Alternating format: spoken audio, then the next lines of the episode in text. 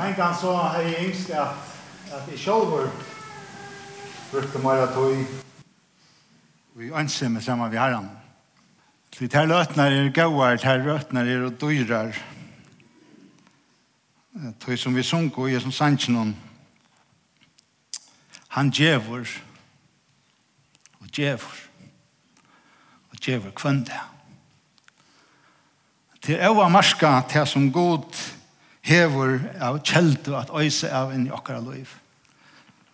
God, han er ikke kargur. God er gavumildur.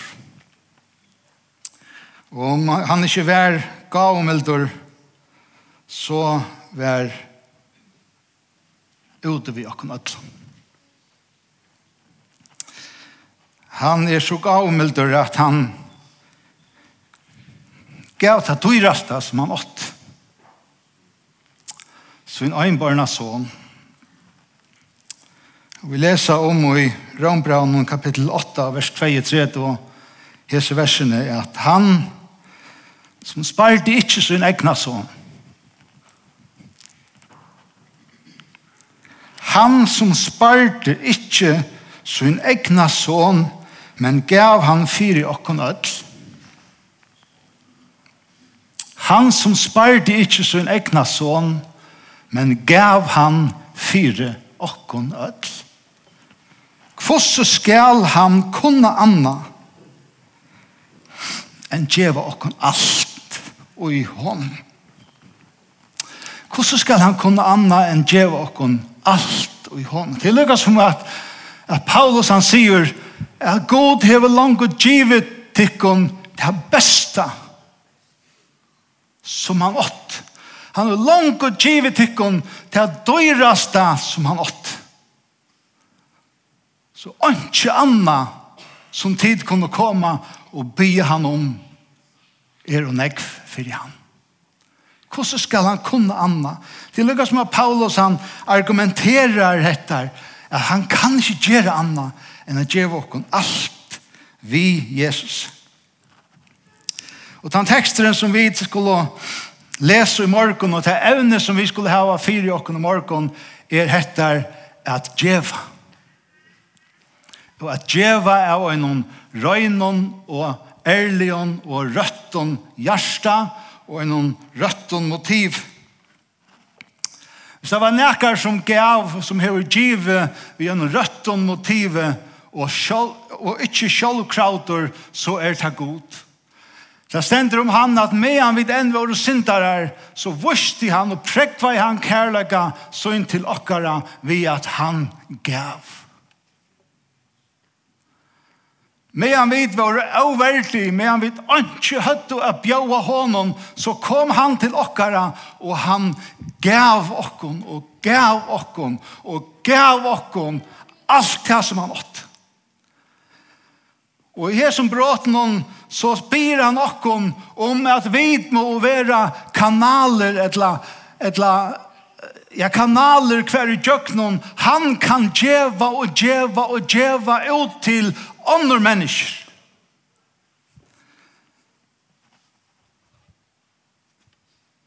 Han sier ikke her at vi ta og i tid djeva Men han sier ikke her om, om til djeva, men han sier ta ui til djeva. Vi kan lese enda teksten i Matteus kapittel 6, vers 8-4. Her stender løsne her, Være tikkun er at hit ut inn i kjer rattvise tikkere fyrir menneskjon, fyrir at vera satt av taimon, tog så heva tid onka løn tja feir tikkara som i himmelig er. Ta du djever almos, almos så måst du ikkje leta blasa i loer fyrir her, som hiklarne gjer i synagogen og av gøten hon, for at tar kunne njøta lov av menneskjon. Sannelig jeg sier er tikkun, tar heva langt og finnkje lønsyna. Nei, ta du djever almos så let ta ikkje vinstra hånd tøyna vita hva hin høgra gjer, for at almosa tøyn kan vera i landon, Ta skal feir tøyn som ser i løndon løna kjær. Det første som han sier her er et stå, en stårer reier trykantor og et avværingar skjelt. Da vi kommer køyrande av enon og vi sykje et avværingar skjelt så vidar vi at nå skulle vi anse etter. Nå skulle vi være særlig oppmerksom. Og Jesus sier her Være tikkun. Være tikkun, være væren. Han avværer okkon om hettar.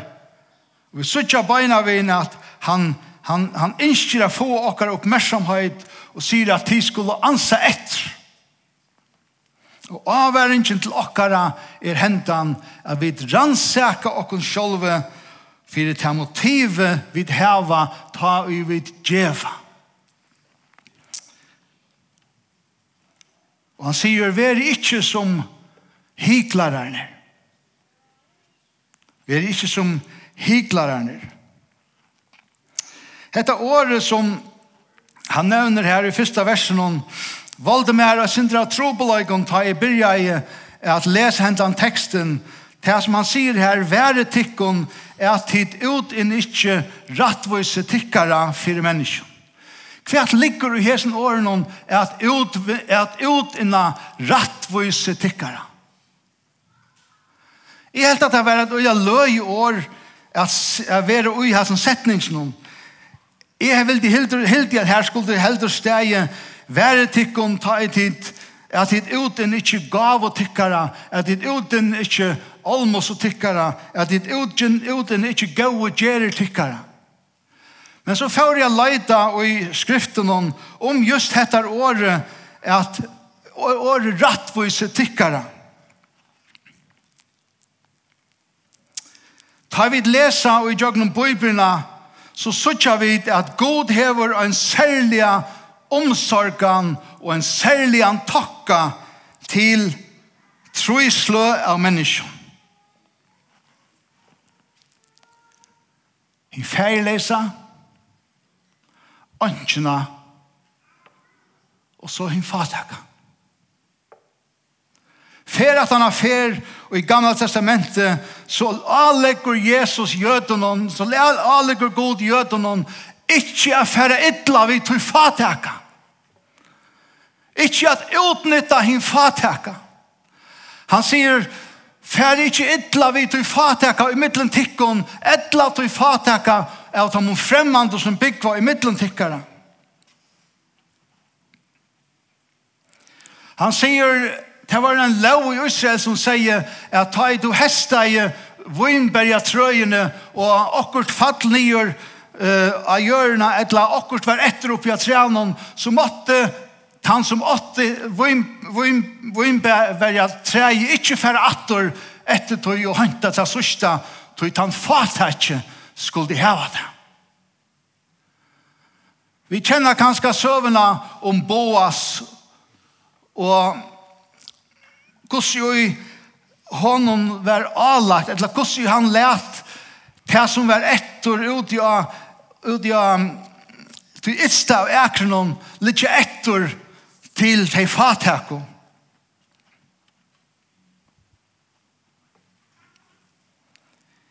Enda han det og i det her tid, så vera jødisk bøtten lært tøtningen av at djeva til de fatakko. Det er tvei ting som jødene lærer sine bøten. Nummer 8 er ikke at spytla nekka bostur. Nummer 2 er at djeva til tei fatak. Jeg minnes da vi var i Sarepta, så var en reier kasse som alltid stod ut ved hårene. Og jeg råkker vi at det er nekka som er henne i det som kjenner tannkassa. Det stod at vi kassa nå.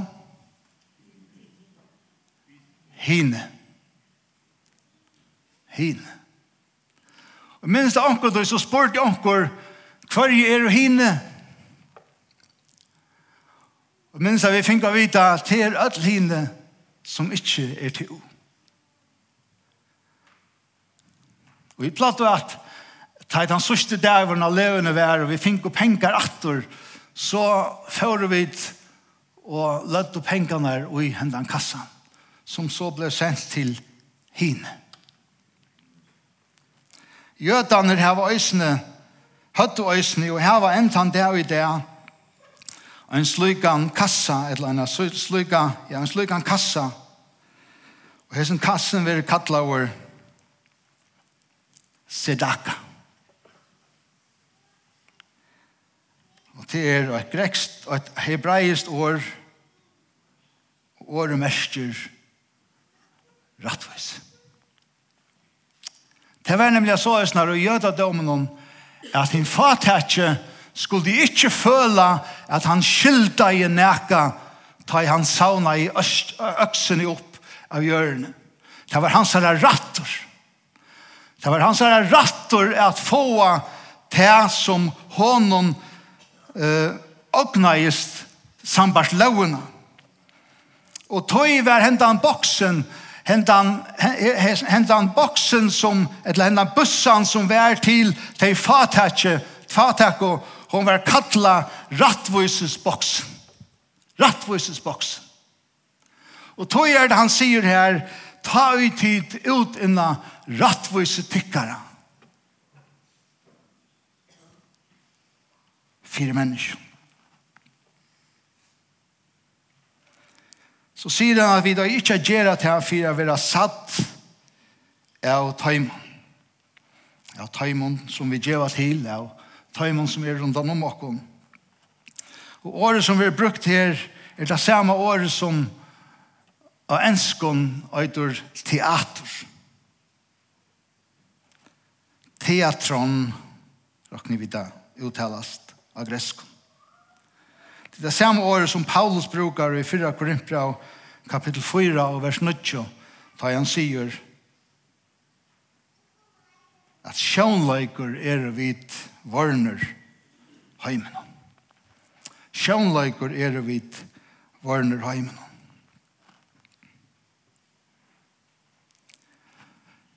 Farsierne og tar skriftlærd og da stendur at tar laut og blasa og i loer fire seg. Og det gjør det der rønt praktisk, da jeg der skulle gjøre til det fatøk og så får der ut av gøtene og finke og omkran er blasa og i loer så er at mennesker kunne sutja hver kom og hver teka og pengene til. Og henta hjertalegi som god hever i jøkken alla skrifterna fyrir til fatakka er det som Jesus kommer til tar skriftlært og farsierne og sier at tid er og hiklare. Jesus han heta i hikl. Han heta i stoltløyga. Det stender at god stender hinn stolt og i møter, men hinn eimjog og viser han nei. Og så sier han at de får ångaløen. Sier han det? Nei, det sier han ikke. Han sier til få ånga løn fra feir min. Til få ånga løn fra feir min. Så tja dit, det som Jesus i verleggen sier i som bråten hon er, er at du først akkurat her som du søker.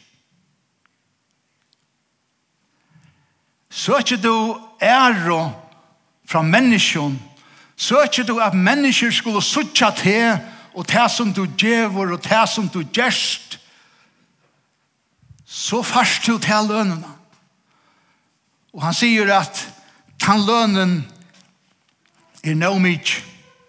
Det som han brukar her for løn er en kvittan.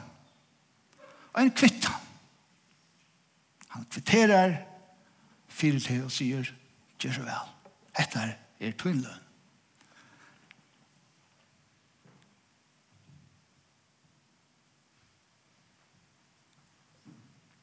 Og han sier vi okkurna så løsner ja, tid ikkje at vera. Og i Olmosa vi er brukt i som bråten og kanskje tar vi et hoks om Olmosa så, så hever det kanskje akkurat her med oss at det tøytningen av tog som det menast vi i hesen versen. Vi hører ofta om menn som var i ringen, skøren og haven, og som satt vi god, god vi sitt to, djever mer hettar, så skal jeg djeva her hettar. Hvis to bjergar okkon, så skulle vi djeva en altartalvo til en kyrkjø. Hvis to bjergar okkon, så skulle vi Og det er som om at så løs når færast vi ofta vi god til kære tid.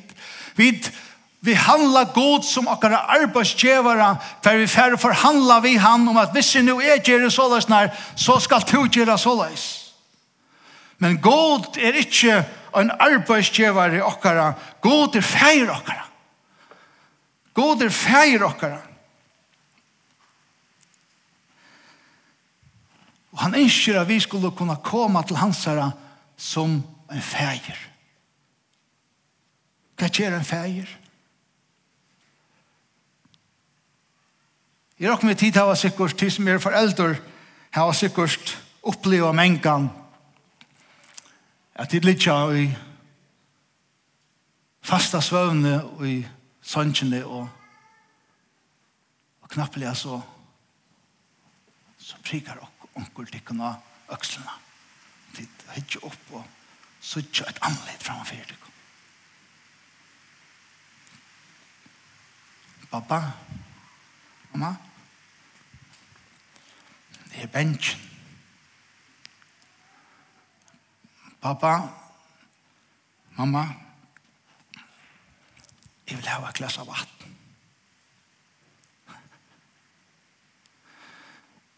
Hvordan blir det til at badene fer og bryter inn i mitt kamer? Bittla seg inn at koma og gjør noen mynar dyr, inn til mynar sang, og vekja med og svøvne. Til til badene veit hattar er pappa, hattar mamma. Og Jeg har en ratt til at her. Grannen kommer hever ikke hæsa etgångtene til min. Til horen stånd. Han slipper ikke inn. Men badne veit at jeg kan færa til fægen min. Jeg kan færa til pappa. Og jeg kan by han om hva som helst.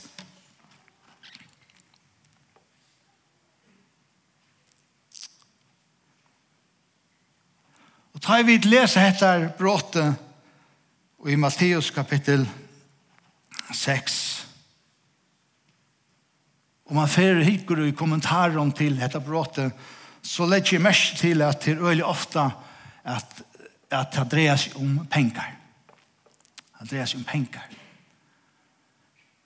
Og jeg har lykket som på en eller annen måte prøve at utfordre meg og i disse talene til at ta seg så lyte om penger som gjør det.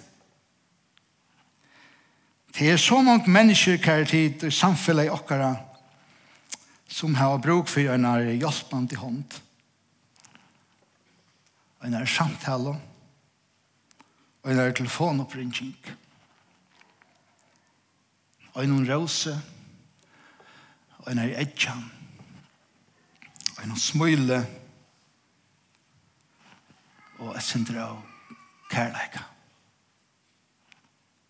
så nek mennesker i samfunnet okkara som er sært, sorgarbonden, skuffa,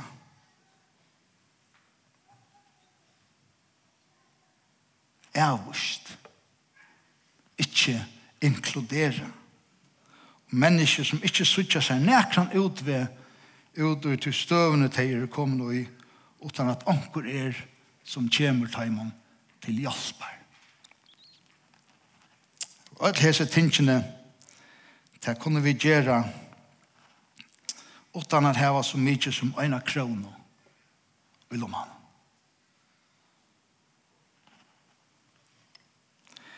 Jesus viser okkon her og i hesson bråten om tvær løshatter og tvær matar at djev og på, tvær matar at få okkara løn og på. Vi kunne spyrja okken sjálve kvoi sier han vi okken at de skulle ikkje vera som farsierne. Var det tog at farsierne ikkje gau? Var det tog at farsierne ikkje bau? Var det tog at tar ikkje fast av?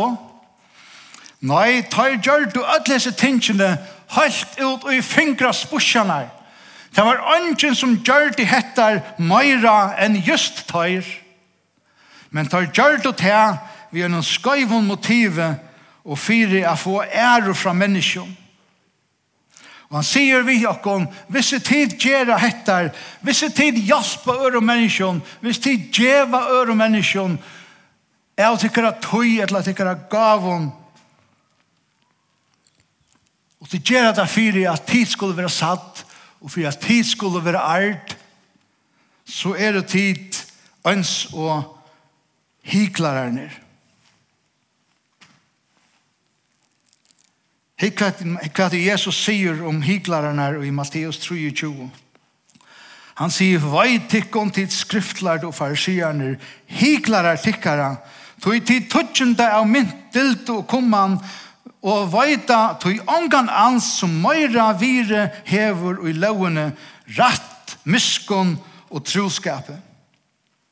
Vers 25, Vei tikkon til skriftlærd og farsierne, hyklarar tikkara, Tog tid rensa bikar og fæti utan, men innan er det full av rane og griskløyka. Griskløyka. Og sier jo, hva i tikkum til skriftlærde og farserar, hiklarar tikkara, tog tid lujtjast kolka om grøvun, som jo er just som jo er og vekrar at suttja åttan, men er og fotlar innan, av deion bøynon og allare øvrensko. Jesus legger ikke fingrene i middelen da han tåsar om hikl.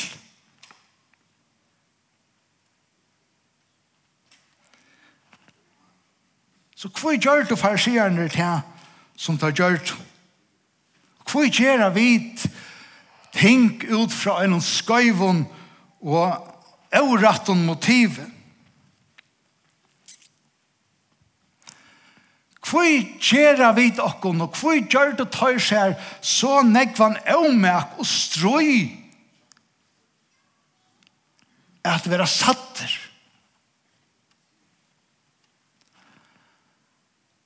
Det tøy at god var ikkje verligur fyrir tøymon. Om vi gjer at her kar tid, om vi djeva fyrir a vera satt av øre menneskjum, for jeg får løn okkara her nere, så er det tog ja, vi kjenner ikke god som feir. Vi kjenner ikke god som tann og han verlige er. Vi trykker ikke på at det passer at god som ser i landen skal løne okk. Og jeg tror til jeg vil ikke trygg på tog, så regner vi at få lønene her og nå.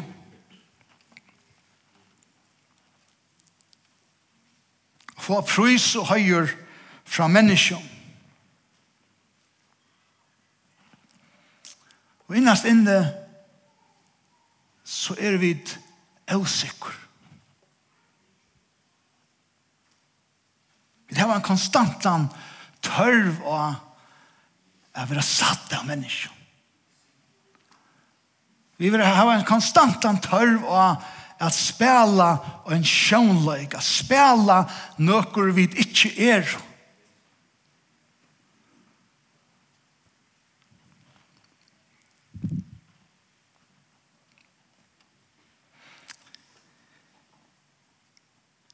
Vi må alla tunne heva en askur av fjöld. Vi må alla tunne heva omkran som ser okk. Vi legger det så løs til rattes at vi er og at vi rattar stenen til rødt og løtene, så er det suttje okkom. Suttje okkara gode gjerer. Suttje okkara gaver. Suttje til som vi gjerne vilja vise at vi er. Og det blir en større sjønløyker. Det blir en større sjønløyker som god vamlast vi.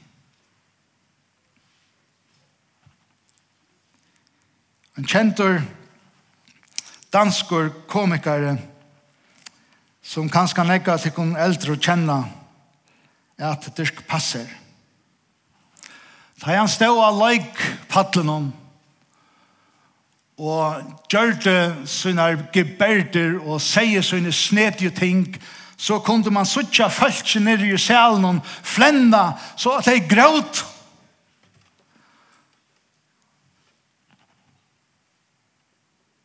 Hvis Parsel døye og i 1995, fyra og trus, var gammal, alkoholikare. At i bløyene skriva av om det passer, så var skriften hentan. Her er den sande historie om Dirk Passer, en skrøbelig klov. Her er den sande historie om Dirk Passer, en skrøbelig klovn.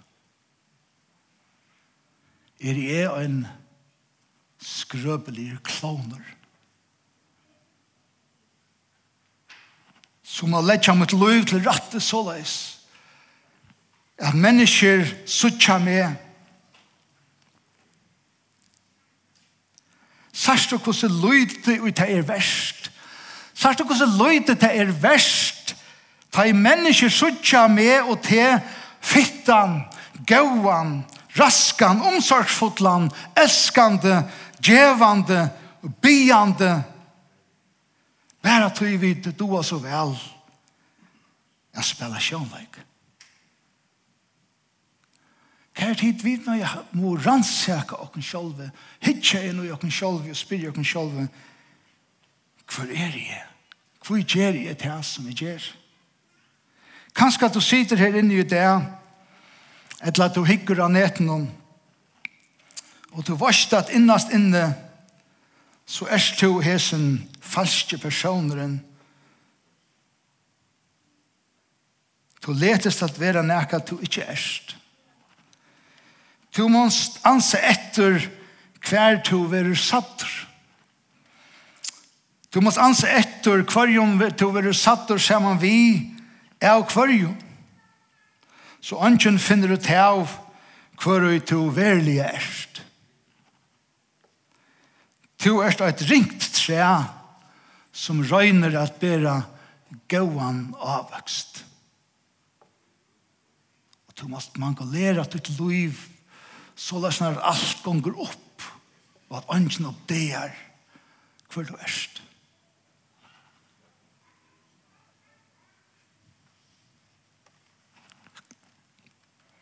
Og du vart utlikvaur. Du vart utlikvaur av deg. Det er så straf. Herren Jesus innskir at bjøy okkon inn til ein en nudjan lystil.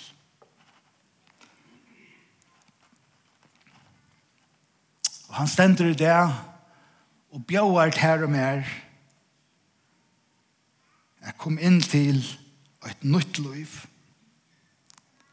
Han bjøver til en nytt livsstil. Han bjøver til inn i synar elskande armar. Her er to vørst 100% at du er sattur, at du er elskavur, og at du er gautidjen. Som du ligger her og i hans herre ørmån. Og du merker hentan tryggløygan som streymar fra honom. Hentan kærløygan som streymar fra honom. Så er det bare alt som du ønsker. Og det er at taknast honom. Tøyn øynast han motivasjon i løyven om er at mennesker skulle sutja ham.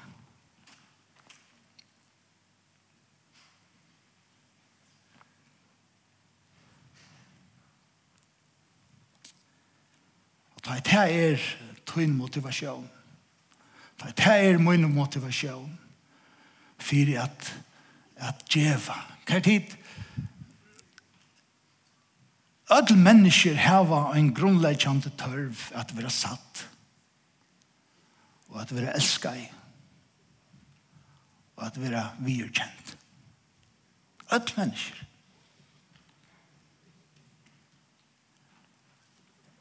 Ta i er livet å tala her i det. Og Jona og jeg færre køyre hjem. Hvis, det, hvis hun ikke har sagt innenfor 15 minutter at, at det var en god tale, eller en ringtale, det var ikke, men akkurat. Så kan jeg ikke halte meg mer, så sier jeg, nå, hvordan er det, galt då, var det, ok? Vi har en tørv av, tørv etter hver tid. En grunnleggjande tørv av å være satt, av å være hårdt, av å være elsket, av å være virkjent. Men vi øyer alt det her, og i feir okkara Jesus Krist. Han sier feir tykkara som i himmelen hon er veit at tykkun tørvar alt detta. Han veit at tykkun tørvar alt detta.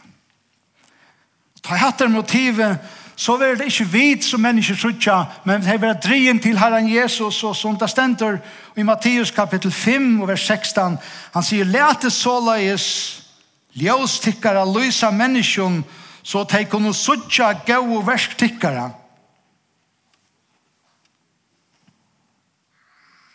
Kvært? Jeg har ikke akkurat lyst i at vi skulle ikke gjøre det så at de suttja gau og verktikkara. Jo, men her er motiv i et annet. Her er motiv i et annet. Det stender, lete såleis ljøstikkere lysa menneskjon, så teik hun suttje suttja og verstikkere og æra feiertikkere som er i himmelen. Året feier vil brukt 141 fer cirka i bøybyrne. Det er bare 8, 8 ferer, at, eller året feier vil brukt om god 141 fer i bøybyrne. Det er bare åtta fer brukt i Gamle Testament. Men Jesus kom kvar tid. Han åpna i okken en nødjan ved. Han fortalte i okken en nudja relasjon som vi kunne hava til god som feir. Og hundra og troi og tredje fer av taimon, hundra og øyne fjørde fer noen, er at god vil nevnt som feir, det vil nevnt, og i nødja testamentet og det var tølvferien er nevnt i hesen kapittel om kapittel 6. Her han sier feir moin. Feir okkara. Feir tuin. Jeg var nevnt det sørste sunda hettar ta han ta seg om virene og ta som vi i løytene skulle sette okkara fokus av i 2021 så nevnte han hettar som til øyne av tøymon som vi leier merke til. Jeg vet ikke at han ønsker ikke skal være i fokus. Det er ikke at sutja hin ønsker. Hette hunker vel saman vi her som versen om i Matteus kapittel 8 og vers 4. Vi vit kunne være den kanalen som, som, som flyter ut til andre mennesker. Hver de få hentan tørven oppfylt han. Da jeg skulle se at fire jeg med i Gjørskvalde og på hese talene så så kom en en bo av messenger til meg inn Jeg gleder meg å høre det i morgen. Fra en person her inne. Samme personer skriver jeg også til meg en søgneste tale i her løvdene. Takka i fire og sier og så gleder han her ved fire at han var skrevet. Jeg skal ikke nevne hver personer er til så gjør jeg han sekan og at gjør at jeg fire vil ha satt av mennesker. Men kjære tid, det skal så lite til. At vi kunne fytla hentan tørven tja hver nør. Bare et lyd i år. Bare et lyd i oppmuntrande i år. Bare en telefonoppringing. En annan person som jeg tar seg i vi fyrre vikene fortalte meg at han er ringt til en person som var blevet skiltor og det var alt det hele kaos i livet med John. Han følte han skulle ringe til han. Han ringte til han. Sier noe så gonger. Han sier, ja, det var sør han til. Han banna jeg faktisk. Han sier, ønsken ringer til meg. Ønsken tåsar vi med. Hver tid, alle mennesker heva en tørv av han. Jeg vil ha satt, jeg vil ha elsket og jeg vil ha virusmett. Om vi ikke får at han tørven oppfyllt han i liv i okkara, så færa vi til at løyta her og her etter honom. Og det er tid til menneskene som doa at utnytta hattar. Det er så vel at manipulera mennesker. Til så løsner rockerne blå til. Mennesker som bøtt som ikke få kærlighet og heimanifra. Ikke få hese grunnleggjande tørven er oppfylt der, og de fer ut og røyka, og de finner en som sier, du er fantastisk, og kom her og i bølg. Og de leipas det. Du er grunnleggjande, her vil hente han tørven. Videre kallar jeg til at være annerledes, kjær tid. God hever givi okkon neka som ønsken annar hever. Og et personligt forhold vi god som feir okkara. Jeg pleier vi først at teska bøtten, abba bøtten okka, abba bøtten og munnen og i øyra. Og sier vi til du erst han aller, aller beste i atler verden. Og innanfor tar jeg for til Kjære og sier vi Kjære, kan jeg bare slippe tesken ikke gjøre det? Så sier hun med at jeg vet, jeg vet godt hva det fyrt å si.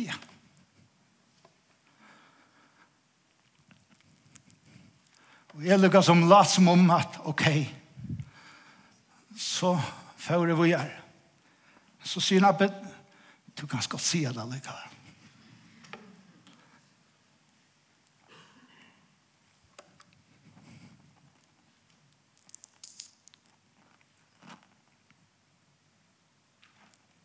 Alle mennesker har en grunnleggende tørv av å elske og virusmett og satt.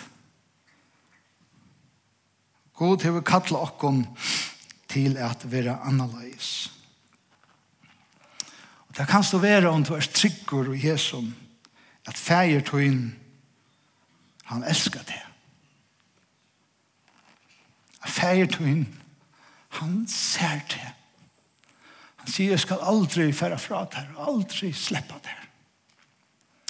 Det kan stå være om du vorst at feir tøyn, han er vi gau tidsi til, 100 prosent.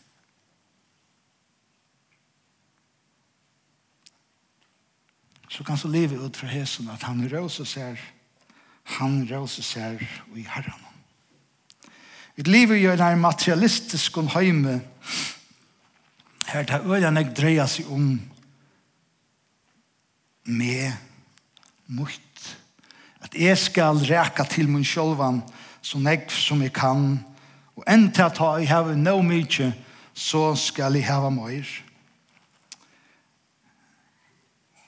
Men god hever kalla okkom til at vera annerledes. Hvordan vi er djeva.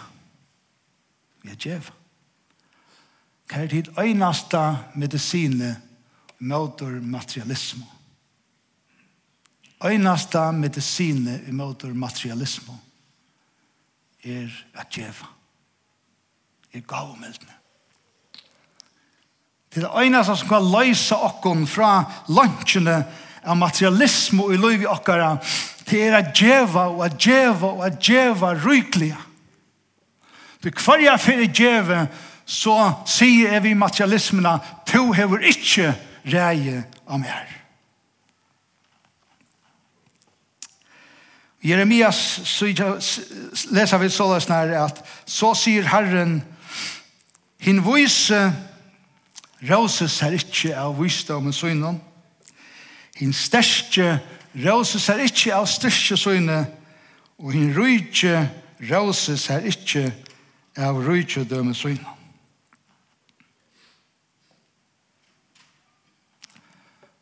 Følg to til elsker jeg.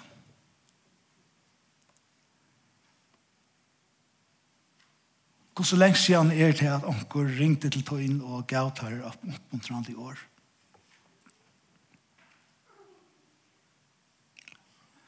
og spørninger. Spørningen er hvordan lengst siden er det to sjølver gav omkring et oppmuntrande år. Hva Kjær de lærte okkon gjere hettar og i årene som kommer at vi seta hin ønstaka i fokus. At vi er vi til at oppmuntra kvann annan og vi til at djeva hver øron av tog som vi tæva. Ofta er den beste maten at få og på, det er djeva. Ofta er den beste maten at få og kærløyga, er at djeva kærløyga. Ofte er den beste maten at få høyur, at djeva høyur. mot i Herren lærst okken hettar og i djøgnon hettar bråte som vi tar vi er i djøgnon nu at vi få at vi, at vi søker okker at tryggleika. Kanskje at vi kunne komme opp som, som, som spela her er i færre lengt på på Isetøyna kjammer og synder han Det er en sanker som jeg kan huske mer av et Lukas og Han är vid färra. som tåsar om hettar hur vi kunne vara en kjelta til liv. Hur vi kunne vara en kjelta som flyter ut til andre mennesker Vi siktningen, vi uppmuntringen. Vi eier være annerledes her tid. Og i hessen heime, her i ødel mennesker, eller mange mennesker, huksa om seg sjølvan, så eier vi eier være annerledes og huksa om Ikke om okken sjolve, men om hine. Lad oss synge den sangen. Nila i sier, best, best ein løying, full av sikning. Salarbød og grøvrarkraft, flauta let og jøknum okken, nage løyv og goddomskraft. Synge den sangen har vi enda. jeg prøysa dere herre, at du med